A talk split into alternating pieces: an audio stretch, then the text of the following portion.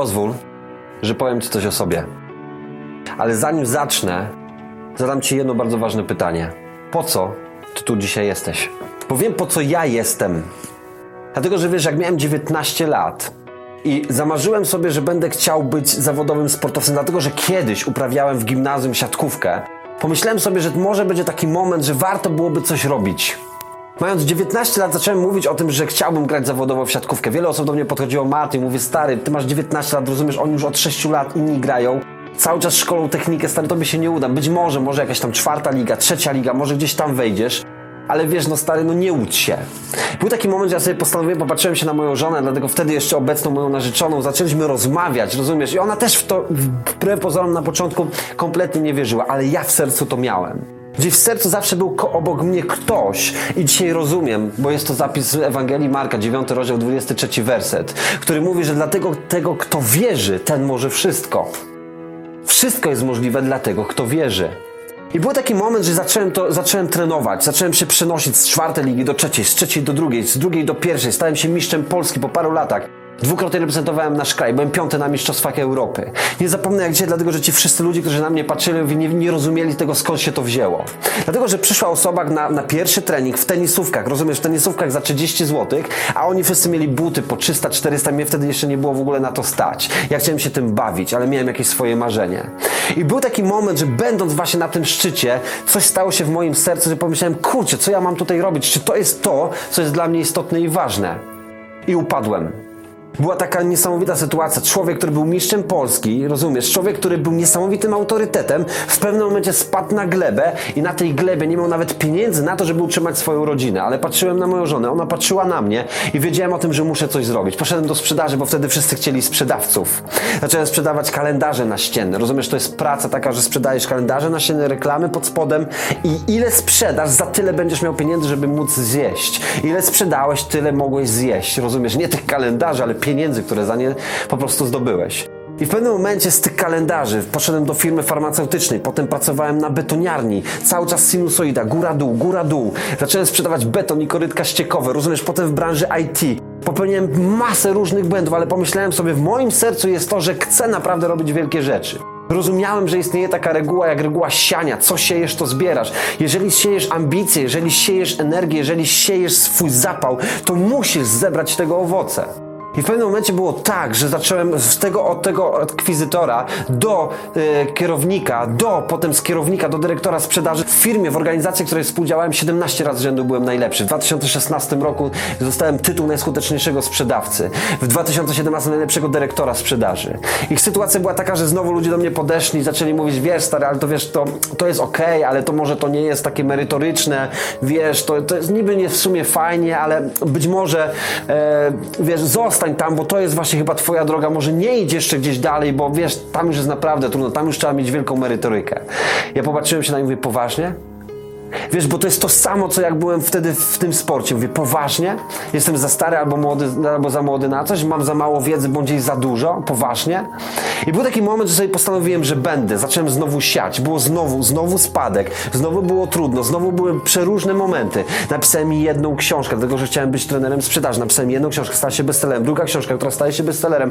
Trzecia, trzecia książka, która w tej chwili będzie wychodziła. Rozumiesz, zaczynam wykładać psychologię sprzedaży na Wyższej Szkole Przedsiębiorczości i Administracji w Lublinie. Lublinie, w szkole zarządzania sprzedaży, która jest, jest takim MBA-em sprzedażowym. Na sali, której szkole siedzi 70 dyrektorów sprzedaży, których ja mówię, jak mają motywować swoje zespoły, będąc od nich wszystkich młodszym.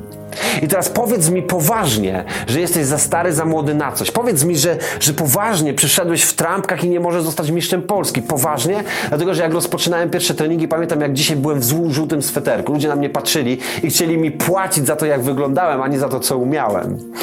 Rozumiesz? I teraz jest kwestia taka, bo mam do ciebie jedno bardzo proste pytanie. Nie jesteś w stanie iść tam, gdzie jest to, co jest dla ciebie istotne i ważne, jeżeli nie zdiagnozujesz sobie jednego bardzo ważnego, bardzo ważnej odpowiedzi na bardzo ważne pytanie, po co ty tu dzisiaj jesteś? Bo jeżeli wierzysz w prawo siania, to prawo siania mówi to, że to, co robisz, to, co siejesz, to dostajesz. Jeżeli siejesz dzisiaj coś na jedną dziesiątą etatu, bo masz jakieś swoje marzenie, masz jakiś swój cel, ale robisz to na jedną dziesiątą, to dostaniesz jedną dziesiątą. Jeżeli nie masz tam ambicji, dostajesz to, co, to, co wykiełkowuje z braku ambicji. Jeżeli nie robisz czegoś z serca, to właśnie dostajesz to, co, co, co nie tworzy serce. I to jest niesamowite, dlatego że w pewnym momencie zacząłem się zastanawiać, jak to jest. Dlaczego tak jest, że pomimo tych wszystkich błędów, pomimo tego, że inni ludzie się tego boją, pomimo ludzie cię hejtują, pomimo tego, że ludzie ci mówią, że masz czegoś nie robić, rozumiesz, dlaczego pomimo tego wszystkiego warto iść dalej? Dlatego, że Paweł w swoim liście, liście do Filipian, w trzecim rozdziale, 13 wersecie, mówi, że zostawiam wszystko, co jest za mną, po to, żeby iść tam, gdzie moja meta, tam, gdzie moja droga i tylko się na tym skupić.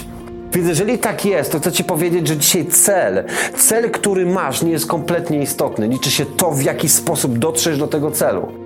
Dlatego w Biblii słowo hamartia, przetłumaczone jako grzech, dokładnie w greckim znaczy chybienie celu. Jeżeli Ty dzisiaj nie idziesz tam, gdzie jest Twoje powołanie, to chybasz swojemu celowi, czyli grzeszysz. Ja nie wiem, czy w jakiś sposób Cię to motywuje, może prowokuje, może wkurza. Nie ma to dla mnie kompletnie znaczenia. Pytanie mam teraz do Ciebie bardzo ważne i bardzo kluczowe. Po co Ty tu dzisiaj jesteś? Dlaczego mnie słuchasz?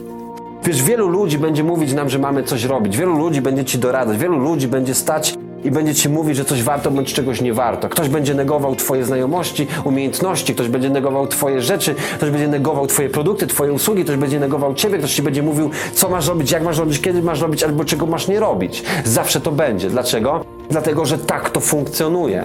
W momencie, kiedy wychodzisz poza Matrix, w momencie, kiedy wychodzisz tam, gdzie jest dla ciebie istotne i ważne, i ludzie, którzy patrzą na ciebie, którzy nie mają tej odwagi, nie mają tego w sercu, nie mają tej ambicji, nie mają tych celów, nie mają tej odwagi, żeby pójść rzeczywiście po to, co jest dla nich ważne i istotne, to oni będą cię w pierwszej kolejności hejtować, będą w pierwszej kolejności ci mówić, że czegoś nie warto. Dlaczego?